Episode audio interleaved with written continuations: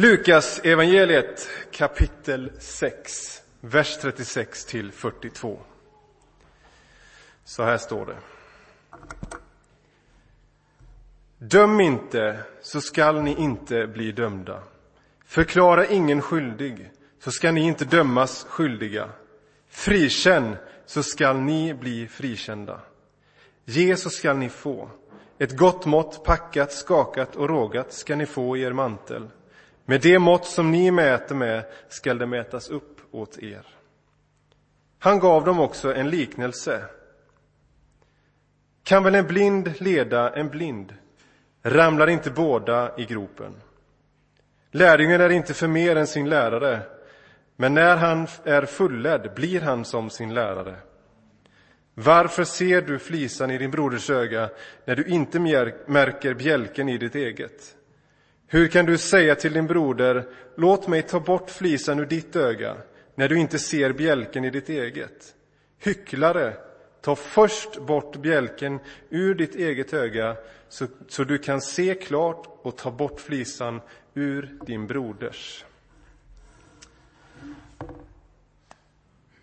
Vi ber en bön tillsammans innan vi fortsätter. Herre, nu ber vi att ditt ord ska få tala till oss. Och allting som inte är från dig, Herre, det låter vi rinna av. Låt oss pröva allting som sägs och ta vara på det som är gott. I Jesu Kristi namn. Amen.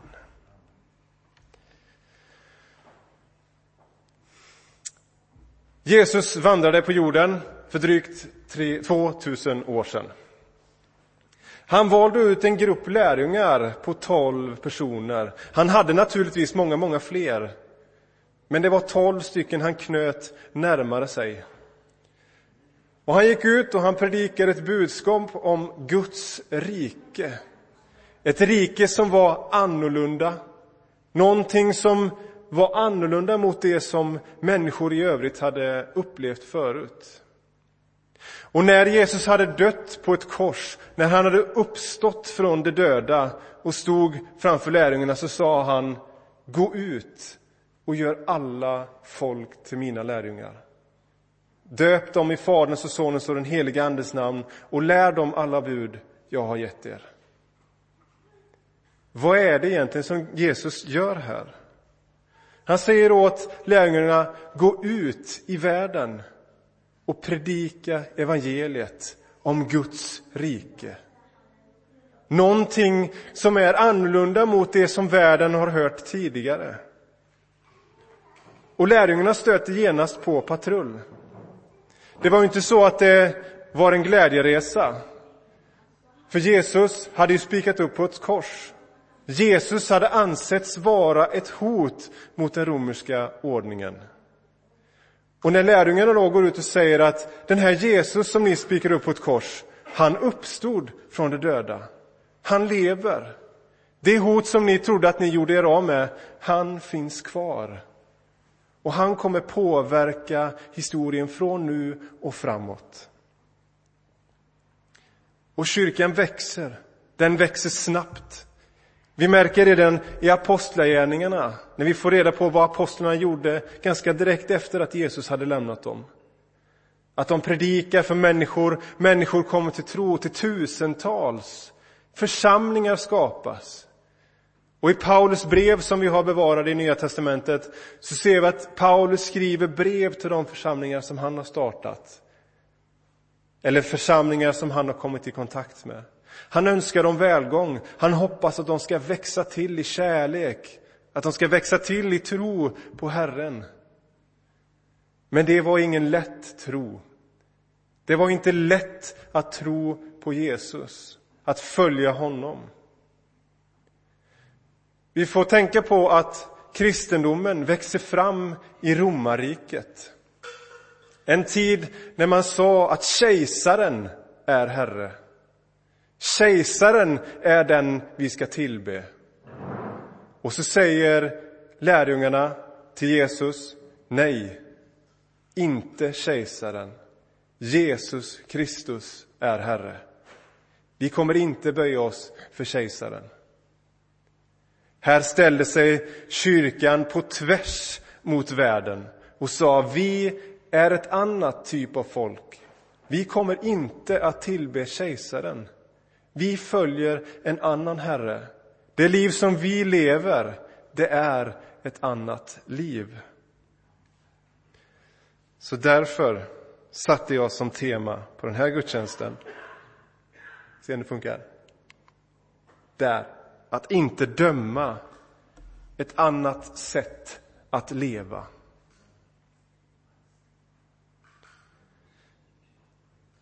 Efter ett tag i romarriket så händer det någonting. Det kliver in en person i historien som kommer förändra allt. Som har fått konsekvenser långt in på våran tid. En kejsare vid namn Konstantin kliver in. Ediktet i Milano 313 efter Kristus säger att nu är det religionsfrihet i det romerska riket. Med andra ord, romarna kommer sluta förfölja de kristna. För de kristna hade varit förföljda ända sedan Jesus hade lämnat dem. De hade gått igenom alla möjliga prövningar, men kyrkan hade fortfarande växt. Men så kliver Konstantin in och förändrar allt. Först vill jag läsa ett bibelord från Johannes 2, 15-16. Så här skriver Johannes. Älska inte världen och det som finns i världen. Om någon älskar världen finns inte Faderns kärlek i honom. Ty det som finns i världen, vad kroppen begär, vad ögonen åtrår, vad högfärden skryter med, det kommer inte från Fadern utan från världen. Men vad är det som händer med kejsar Konstantin? 313 så blir det religionsfrihet. Men bara några få år efter, 385, så blir kristendomen den enda lagliga religionen i romarriket. Så från att de kristna har gått från att vara en förföljd kyrka med martyrer, människor som dör för sin tro, på bara mindre än hundra år, så är de det romerska imperiet. De har gått från förföljelse till absolut makt. Och här ser vi hur statsapparaten, makten och kyrkan börjar leva i symbios. Och det har ju vi konsekvenser av långt in i våran tid. Och det var ju så att när kejsaren hade blivit kristen, när romarriket hade blivit kristen, då var ju världen i någon mening kristen. Innan Konstantin så krävdes det mod att vara kristen. Efter Konstantin så krävdes det mod att inte vara kristen. Kyrkan gick från förföljare, från att vara förföljda till att bli förföljare av oliktänkande. Guds rike hade blivit implementerat i världen. Men var det verkligen detta Jesus hade kommit för att göra? I Sverige så har vi levt med den här konstantinismen som man kan tala om. När kyrkan och makten lever i symbios. Makten och kyrkan hör obönhörligt ihop. Men på bara några få år under min livstid så har vi upplevt vad vi kallar för sekularisering och det kan ju slå an en massa toner hos er vad, vad det ordet innebär.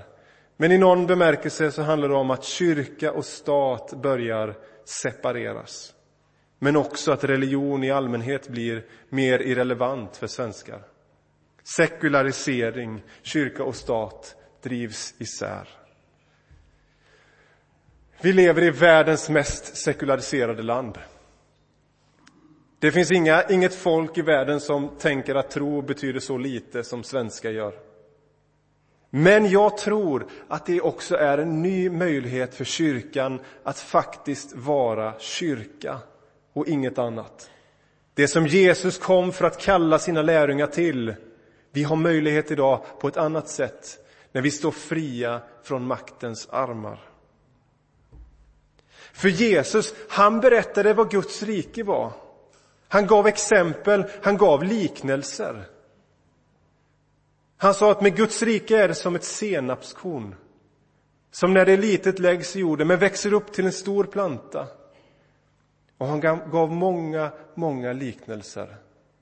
Han sa inte här är det, eller där är det, så här kommer det att se ut. Han gav liknelser. Han kom med en gestalt. Och han sa, den som följer mig, ur hans, ström, ur hans hjärta kommer det strömma levande vatten. I hans hjärta kommer det finna strömma eh, flodar av levande vatten. Ur hans inre. Den som tror på mig, ur hans inre kommer det flöda floder av levande vatten. Guds rike är någonting som finns inom oss. Guds rike är någonting som flödar ibland oss. Guds rike är någonting som flödar bland hans folk. Vi kan inte säga att det är den svenska staten. Vi kan inte säga att USA, det är ett kristet land. För i ordets verkliga mening så kan bara människor vara kristna. Bara människor kan följa Jesus. Och det handlar om ett annat sätt att leva, som vi läste ur Johannes 2. Världen är någonting annat än vad Guds rike är. Och kyrkan är den plats där riket får flöda fram. Kyrkan är inte riket, kyrkan är den plats där riket får flöda fram. Jag har många gånger hört kristna människor säga, men vi är inte så annorlunda som alla andra. Vi är som människor i allmänhet och folk får upp ögonen för när de träffar mig. Jag har en tatuering på armen. Och de säger, ja men du är kristen och har en tatuering. Vad märkligt, du är ju som alla andra. I någon mening så är jag väl precis som alla andra. Men någonting, också någonting som är radikalt annorlunda. Vi är inte som alla andra. Vi som tillhör Kristus, vi är inte som världen. För om vi menar att vi är precis som världen i övrigt, då har vi köpt in oss i den konstantinska, alltså kejsar Konstantin och det som skedde efter. Världen är kristen. Kyrkan är den plats där Guds rike får flöda fram. För i någon mening så är det ju så att det som är viktigt i världen är inte viktigt i kyrkan. Det finns i vårt samhälle krav. Det finns i vårt samhälle förväntningar på varje människa. Du ska gå i skolan, du ska skaffa dig bra betyg. Du ska helst läsa vidare, du ska skaffa dig ett bra jobb, du ska skaffa dig pengar. Så att du kan köpa din fina lägenhet, ditt, din, din, din nya villa. Du ska ut och resa däremellan, du ska träffa en perfekt hustru eller man, skaffa de perfekta barnen och sen ska bara livet bli en glädje rakt över. Du ska också köpa de finaste kläderna. Du ska också vara lyckad. Och vi blir bedömda hela tiden. Allt från betyg till vad vi har för frisyr, vad vi har för kläder på oss. Men allt det här, allt det som världen ser som viktigt, är fullständigt irrelevant i kyrkan. Vad du har för kläder på dig, vad du har för frisyr, spelar ingen roll. För här inne blir vi inte bedömda. Här inne dömer vi inte varandra. För här ser vi till det som flödar i våra hjärtan. Kärlek till vår nästa, kärlek till Gud. Och när Jesus säger att vi ska ta bort bjälken ur vårt eget öga innan vi tar bort flisan ur broders. Vad är det ett tecken på? Det är ett tecken på att bry dig om dig själv. Lägg dig inte i för mycket av andras angelägenheter. För ofta så blir det så att vi dömer människor utan att vara rättvisa mot oss själva. Vi tycker att andra skvallrar kanske, att andra gör på si och så sätt. Men hurdan är jag? Hurdan är jag mot människor? Och här ligger någon kärna i det kristna budskapet. Det som sker när Jesus hänger på korset. För korset är fullständigt obegripligt. Korset är en paradox.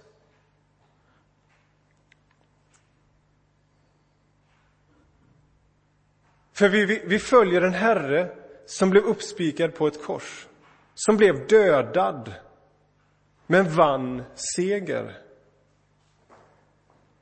Det här är ju helt obegripligt. Det som såg ut som världens största fiasko, det har blivit världens största seger. Och vi läser från Filipperbrevet kapitel 2, vers 6-11.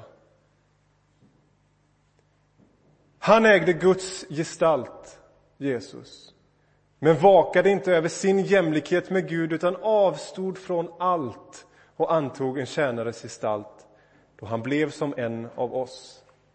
När han till det yttre hade blivit människa gjorde han sig ödmjuk och var lydig ända till döden, döden på ett kors. Om vi bara stannar där för ett ögonblick. Det här är ju bara rakt nedstigande led. Här är bara en kurva utför.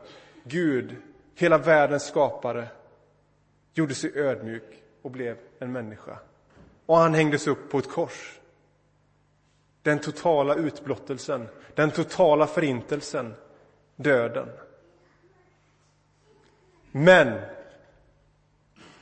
därför har Gud upphöjt honom över allt annat och gett honom det namn som står över alla andra namn. För att alla knän ska böjas för Jesu namn i himlen, på jorden och under jorden. Och alla tungor bekänna att Jesus Kristus är Herre, Gud Fadern till ära. Och när Jesus hänger på korset så säger han till dem som har spikat upp honom. Han säger och ber till sin fader, Herre, förlåt dem, för de vet inte vad de gör. Och den här mannen har jag valt att följa. Den här mannen har många av er valt att följa. Här ligger kärnan i kristendomen. Han tog på sig straffet. Det som såg ut att gå rakt åt pipan, det blev seger. När kyrkan blir dömd utifrån, eller när vi dömer varandra, då har vi på något sätt missat kristendomens kärna.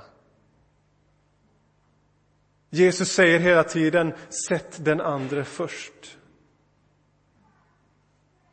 Tänk inte bara på ditt eget bästa, utan också på andras. Är det här en lätt kamp? Är det lätt för en kristen människa att göra på det här sättet? Naturligtvis inte. Men Jesus säger att förlåtelse överträffar dom. Han säger att förlåtelse är Guds rike. Han säger att förlåtelse, det är Guds kärlek som djupast. Förlåtelse är ett nytt sätt att leva. Där domen har tappat sin betydelse. Men det är också en förlåtelse i kraft av korset. I kraft av att vi följer Jesus Kristus genom den helige Ande. Bjälken i berättelsen från Lukas, det är ödmjukhet. Att känna sig själv. Och Jesus tar också exemplet med läraren. Kan en blind leda en blind? Och här också hur vi är mot varandra, hur vi är förebilder för varandra. Och som lärare måste man vara på, trippa på tå när man är med sina lärjungar, när man är med sina elever. För man sätter också ett exempel. Och om en ledare sätter exempel att han dömer ut allt och alla, ja, då kommer också allting gå rakt åt skogen. Vi behöver kärlek. Och det var det som Jesus kom till världen för att visa. För Gud älskade så världen att han gav den sin enda son. För att det som tror på honom inte ska gå under, utan ha evigt liv.